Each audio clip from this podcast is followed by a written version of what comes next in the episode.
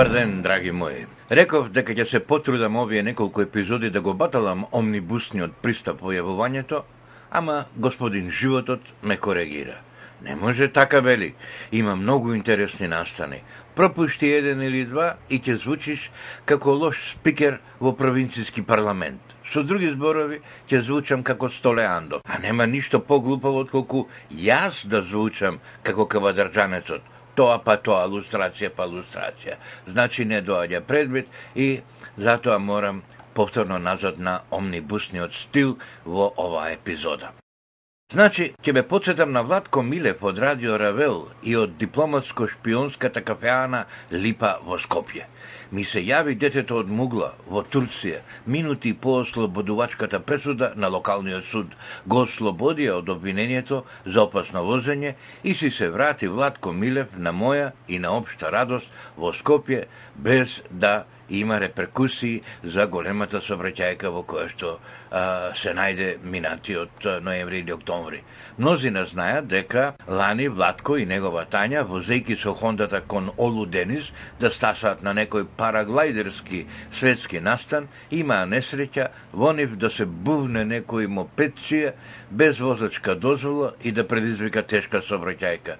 Тие искршени, новата скапа Хонда Сол, а мопедцијата на место. Владко отиде кај семејството, изрази длабоко жалење и се што е ред, и турските власти го пуштија да се брани од слобода под кауција и му дозволија да си оди во Скопје, затоа што имал семејни причини, така натаму, доваѓаше Божиќ, па доваѓаше Нова година и луѓето рекоа што ќе седи овде, нека оди таму одеше два пати на претрес пред судот во Мугла и сега целата каварија заврши со ослободителна пресуда. Утредента по доаѓањето на Владков Милев во Скопје, разбрав дека во наша струга судот уште го држи кајна со англичанецот кој во онаа позната трка Гамбол или како и беше веќе името, имаше късмет да се најде во сообраќајна несреќа во која загина маж и жена стружани. Семејството на загинатите минатата недела пред судот во Струга и вели Пуштете го човекот да се брани од слобода,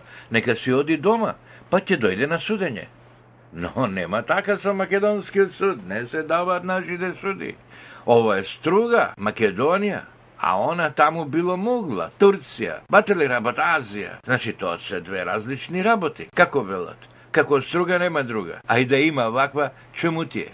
Значи, судиите во Мугла веруваат во македонското законодавство, кое гарантира дека ќе се врати нашиот граѓанин и ќе се појави на судење, меѓутоа, нашите судии во Струга не веруваат во законодавството на Велика Британија. Што значи ваквото држање? Сака ли тоа да каже дека судиите во Македонија ги сметаат господата лордови судии за корумпирани? Дека британците ќе го кријат овој што според нашето обвинителство предизвикал несреќа во која загинале два наши граѓани? Не сакам да зборувам дека полицијата морала да ја обезбеди трката која уредно е пријавена и уредно е одобрена, односно да ги обезбеди нашите луѓе од можни несреќи предизвикани од трката или од тркачите. Како тоа? Господица Горданче знае да се вози во украдениот автомобил на Дейвид Бекам, а не знае да тури джандар на пресечните улици на трката за да не излегуваат наши пензионери кога фучат аута во меѓународна трка. Ајде локалниот струшки суд што не го пушта човекот дури ни под кауција, тоа е одделна работа. Па зар нема кај нас жалба да повисок суд, кај поразбрани суди да го разгледа тоа, па да кажат, е, може да си одиш дома, па да се вратиш тога и тога и на судење. Да не зборуваме за тоа, која струга, кој струшки истражен затвор ние отсликуваме со, со ова цела работа што го држиме тука човекот и што доваѓа тој лепци и тој лепци да го слика, да разговарат со него и да видат каде е тој и зошто е тој толку тука. Што ќе покажеме со ова пред Европа?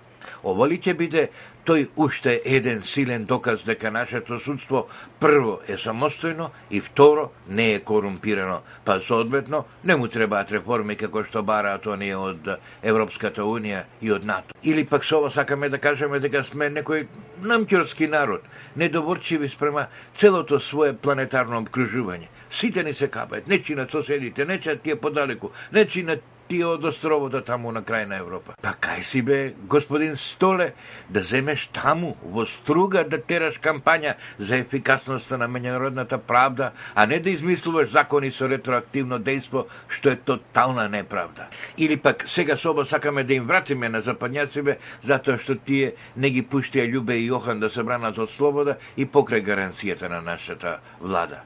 И ете, циц, помиц, полека топката во нашиот двор. Се ова ме тера да му порачам со овој подкаст, а и приватно ќе го сторам тоа преку електронска пошта на Владко Милев, кој со Радмил е собственик на Радио Равел, популарен медиј, да земе секој ден да брчи преку неговото радио со оваа тема.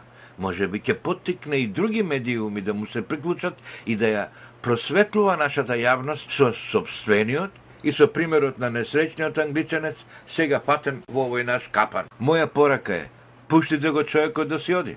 Ќе дојде на судење. Потоа ќе се слушаате, вака било, тоа нака било, ќе падне пресуда, ќе има молби, жалби, но тоа еден ден ќе се заврши. Нема да се вратат загинатите во живот.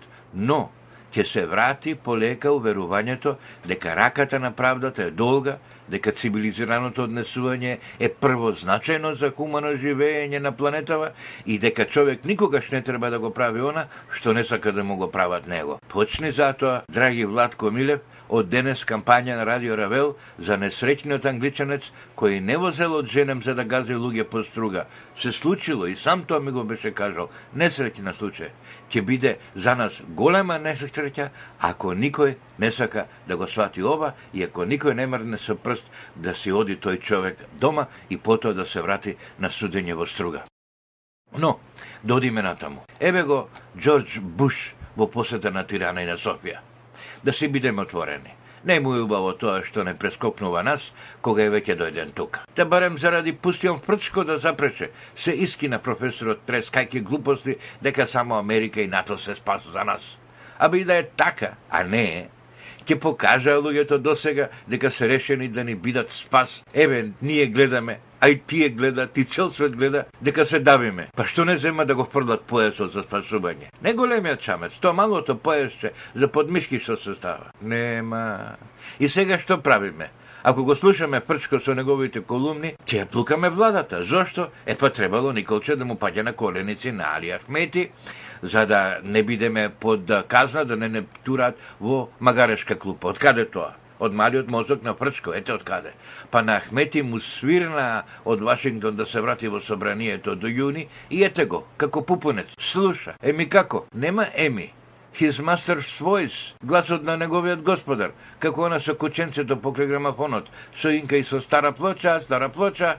Се во ова е дежаву, и, и чуено, и видено. Но, ако е за самиот НАТО, тоа на Македонија не е никаков спас. Целата идеја еве, силом милом ќе влеземе во НАТО, е глупава. Колку повеќе се буташ, толку повеќе се бранат. Се чуваат од тебе. А бе, остави ги да те молат. Погледни, еве ти нагледен пример. Нека ги примат и Албанија и Косово, а нас не. Па што? Ќе бидеме сите страни чувани од НАТО. Долу Грција, Исток Бугарија, па Косово у НАТО, па Албанија у НАТО, нели големиот НАТО не постои да напаѓа, туку да брани прцул земјичиња како нашата. Значи, овака го сме обкружени со НАТО, кој може да не нападне? Треба прво НАТО да го изгазат, па после да дојат до кај нас. Тие, демек, душманите, за нас што се. Ако сме внатре, народот само ќе треба да ги стега ремените, да, да плаќа повисоки даноци, за да се купат демек да повеќе пушки, побава муниција, побави униформи, плати за војници, генерали, адмирали, иди ми дојди ми. Значи народе стегете ги ремените. А ако не сме во НАТО, што со тоа? Ништо. Демек, ако сме внатре, ако оној Ахмеджинеда до Техеран запука со ракети по криволак, НАТО ќе не брани. А бе Америка запна да го шири НАТО затоа што е во интерес да ја обколи Русија од сите страни. Нам сега ни продаваат курназлаци. ние треба да го прашаме Нато. Абе, што ни се нуди за да влеземе во овој клуб? Ќе отворите ли фабрика, господа, за нуклеарни боеви глави во Самоко? Или ќе пукате со тие боевите глави по криволок за джабе, а нашите генерали да ги собираат чаурите на место да одат тамо по школи, по генералски генералштабни школи. И сега произлегува дека нисме биле подготвени за НАТО. Да го придотераме да уставот. Па не бомбардираше НАТО Србија затоа што не чинеше уставот или затоа што албанците немаа права НАТО и Америка бомбардира затоа што Србија си го бранеше територијалниот интегритет, затоа што качаците бараат територија, а не факултети или амбасадорски места, го имаат тоа. И факултети, и амбасадорски места, и буџи, и председатели општини, и шефа и полиција, све. Учека сакаше и на крај еве си го оствари тоа со НАТО и со Америка да си овозможи една своја мафијашка држава. Кој кажува дека Али Ахмети не го сака исто? Да не кажува случајно тој самиот Али Ахмети? Ама не ве молам. Прво, тој сака да си обезбеди малку факултет, па да има и патишта не секаде, и полицијата, и да научи како се води држава, а после пак ќе биде бамбашка држава, исто како Косово. Така ми вие тоа со НАТО. Македонија треба да сврти лист, нека му каже господин премиерот Груевски на тексашанецот дека нашата мала држава ќе ја направи армијата како швајцарската и ќе се објави неутрална исто како Швајцарија, ќе си правиме чоколадо како Швајцарија и тоа со какао од паприка и готово. Ама тоа ќе било плагијат на швајцарската идеја. Па што дека? Ние и супер докажан плагијатор пративме да биде преседавач на Генералното собрание на Обединетите нации од ДСМ. Не беше тоа случајно. Тој ќе го објасни ова таму. Се со план. Не е толку наивен господин Груевски, може смислил ова, зошто го праќа тој Керим со плагиатите да биде во Обединетите нации. Мислам, заради ова, швајцарскава идеја. Ја позем, ја тамо и готово. И така, нека разбере цел свет дека една малечка Македонија може да му покаже малку рбет на председателот на Соединените Американски држави. Ене му самит во Германија, го чека таму на Орлени, а и доматинката господја Меркел е, така многу фино расположена да му каже неколку сладки зборови. Другите евро лидери плюс едно 100.000 демонстранти од цела Европа веќе три дена па се тепаат со полицијата за да дојдат поблисмо и за го гаѓаат таму со, со скапани јајца, па нека види колку во Европа луѓето убаво ги ценат неговите намери и неговото ангажирање за состојбите во светот и во Европа. Многу сум гневен заради подценувачкиот однос спрема Македонија и заради нашиот толерантен, не, мек, ма не, безрбетен однос наспроти таквата навредлива ситуација. Еве и затоа така зборувам. Треба да им се каже, вајде ишо тука, тутај и остајте на нарад. На крајот сакам да кажам некој збор за тоа дека огромните, дневно повидливи разлики во стандардот меѓу луѓето создаваат и напросто непремостливи културни разлики и дека сето тоа ќе води или кон изолација, или кон големи конфликти меѓу народите и држави. Гледам завчера некој сцена во Лондон на еден новокомпониран хит скулптор по име Дамиен Хирст му дал 8601 диамант, со кој овој Хирст, скулпторов, да опточи еден платински отпечаток од човечки череп. Тоа било скулптура. Сите медии ја објавија таа грозна ракотворба, изложена е од петокот во Лондон. Само материјалот за неа, платината и диамантите, плюс черепот од кој е направен отпечатокот, плюс забите што му ги дотуриле на печатокот чинел 20 милиони долари. Цената на таа квази скулптура изнесена е за прикажување во една галерија во Лондон, е рамно 99 милиони долари. 99 милиони. Печалбата ќе била негде околу 60 на милиони долари и Ако некој сака да ја купи таа гардотија, на која авторот е дал име за Божја љубов, ќе му ја испорачаат веднаш. Не зборувам воопшто дека кај нас нема каде да купиш череп од кој да се направи од печаток во восок, а камоли пак во платина.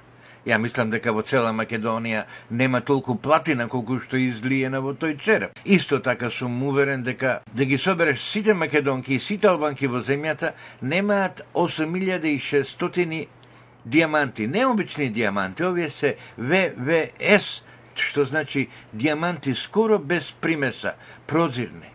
Сите тие заедно тежеле 1106 кара. Ја знам дека кај нас не може да се купи череп за да лиеш од него златен или платински или тенекиен отпечаток. Нема такви дуќани, препараторски дуќани. Нема, не постои. Кај се видело, еве имам ја еден череп за купување, под кај ти е, па што ти е, па кој ти го даде, па кај го најде, ајде бе.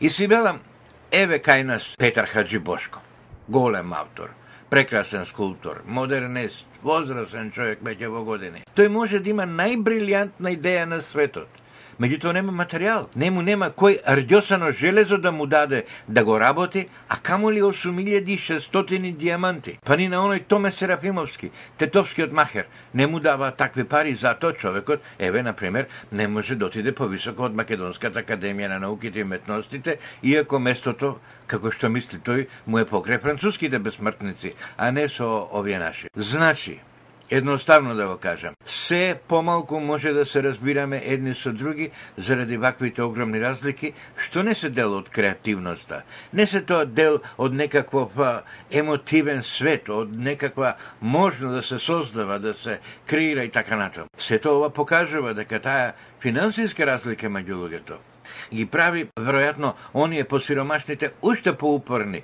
и така се челичат тие. Јас лично поголем невкус од овој череп обточен целиот до последното квадратно милиметарче немам видено, но тоа мислам не ќе му биде голема утеха на ценетиот Петар Хаджи Бошков, ниту на сите македонски ликовни уметници, затоа што ќе кажат, еј, до кај стасавме луѓето каде отидо, а ние не можеме ни водени бојци да купиме. Шутиот со рогатиот очигледно некако тешко може да излезе на крај. Толку за денес. Не мислев вака да ве попарам со ова, меѓутоа тоа излезе. Гроздан Попов ве поздравува од Амстердам.